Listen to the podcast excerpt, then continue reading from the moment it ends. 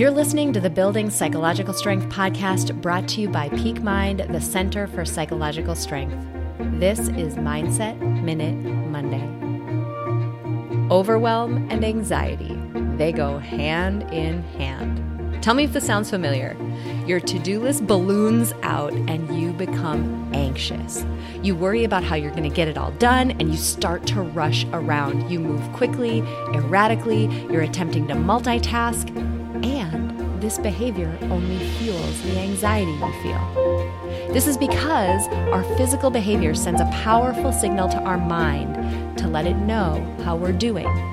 Quick behavior tells our mind there's a reason for our fast movement. Slow, deliberate behavior sends the opposite message. Next time, move with ease and send a powerful, calming signal to your mind. Try this out and see how you feel. DM us on Instagram at Peak Mind Psychology to let us know how it went. And if you benefit from our content, please drop us a rating and review on iTunes and do share this with others who might find it valuable. One last thing check out the description in this episode for an incredible offer from Blinkist, one of our sponsors, and the maker of one of my personal favorite apps. What if you could get the main insights from some of the most powerful nonfiction books in 15 to 20 minutes? You can with Blinkist. Check out the link in this episode description, and we'll see you next week for another Mindset Minute Monday.